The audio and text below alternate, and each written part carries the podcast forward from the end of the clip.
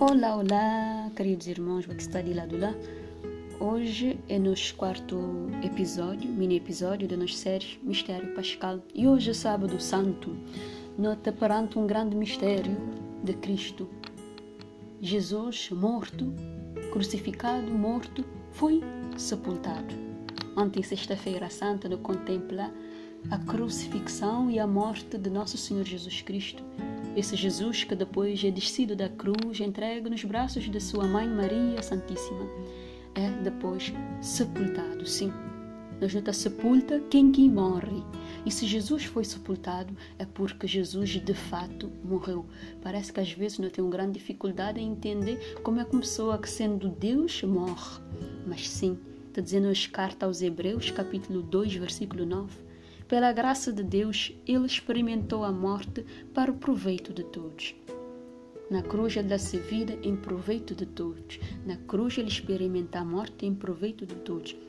E estava na plano de salvação que de fato ser filho morresse, morresse pelos nossos pecados e também que ele pudesse experimentar a morte, né? como te dizendo São Paulo. Ele morreu pelos nossos pecados. Ele tinha que experimentar a morte. E a morte é o que? A separação do corpo e da alma. De fato, na morte de Cristo houve a separação do corpo da alma. Né? Esse é um grande mistério. E ainda na terração na credo, desceu à mansão dos mortos. Cristo desceu à mansão dos mortos. Ao contrário de nós, não sendo Deus, Jesus Cristo, sendo Filho de Deus, sendo a pessoa divina, a sua carne, o seu corpo, não sofreu corrupção. Ou seja, se corpo que estragasse, corpo que apodrecer, cima nós, quando nós morrer, nós, alma de separado nos corpos, não tem treino de composição. Mas Cristo não experimentou a corrupção da morte. Cima está dizendo Salmo 15. E Catecismo está dizendo assim na 627. A morte de Cristo foi uma verdadeira morte verdadeira morte, na medida em que pôs fim à sua existência humana, mas por causa da união da pessoa do Filho, manteve com o corpo, este não se tornou despojo mortal como os outros. Não era possível que ele ficasse sob o domínio da morte. Cima a dizer Atos dos Apóstolos 2, 24. O poder divino preservou o corpo de Cristo da corrupção. Né? E é isso.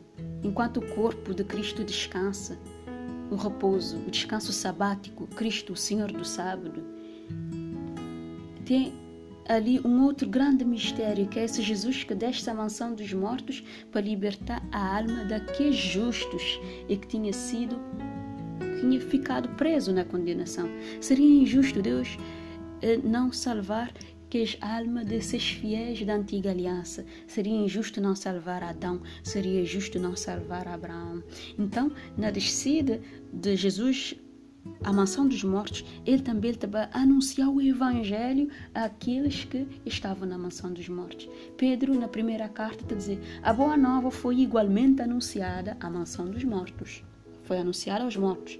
E o catecismo está a dizer: Jesus não desceu à mansão dos mortos para para de lá libertar condenados, nem para abolir o inferno da condenação, mas para libertar os justos, os que tinham perdido.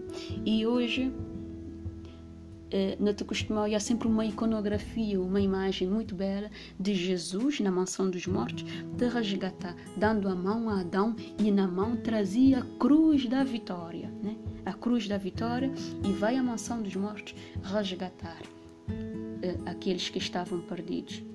E também nós todos, nós não foi resgatado quando na morte de Cristo. Né? São Paulo na carta aos Romanos está dizendo no capítulo 6, fomos sepultados por, com ele pelo batismo na sua morte, para que assim como Cristo ressuscitou dos mortos, pela glória do Pai também nós vivamos uma nova vida.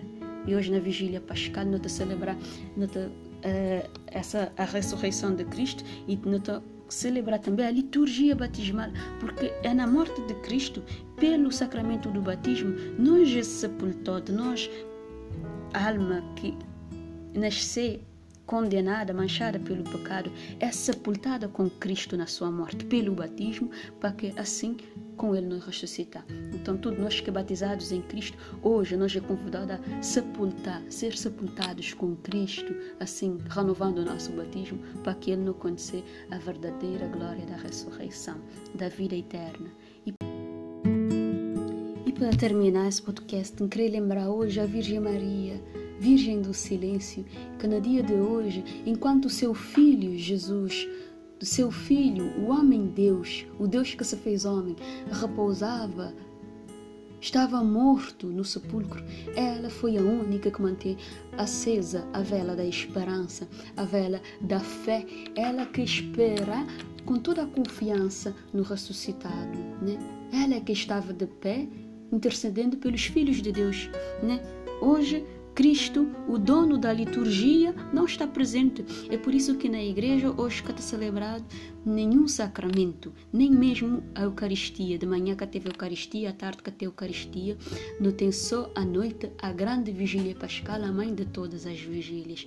Então que Hoje, não te pedir a graça da Virgem Maria, Virgem do Silêncio, que soube esperar com fé, ela que intercedeu pelos filhos de Deus nesse dia em que Cristo, o Deus, estava morto. É por isso que a igreja te dedica também esse dia de sábado à Virgem Maria. Por isso, neste dia, não pedir a graça a ela, que te ajuda a nós a contemplar o grande mistério desse dia, para que, com a sua intercessão, neste dia de hoje, não te sepultar nos vida. Mais uma vez, na morte de Cristo para que na sua ressurreição te merecer a glória eterna. Né? Que a vigília pascal hoje seja mais um ato de renovação do nosso batismo. Então te ficar aqui e que te continuar nesse clima de silêncio meditando no grande mistério de hoje. Em nome do Pai, do Filho e do Espírito Santo. Amém.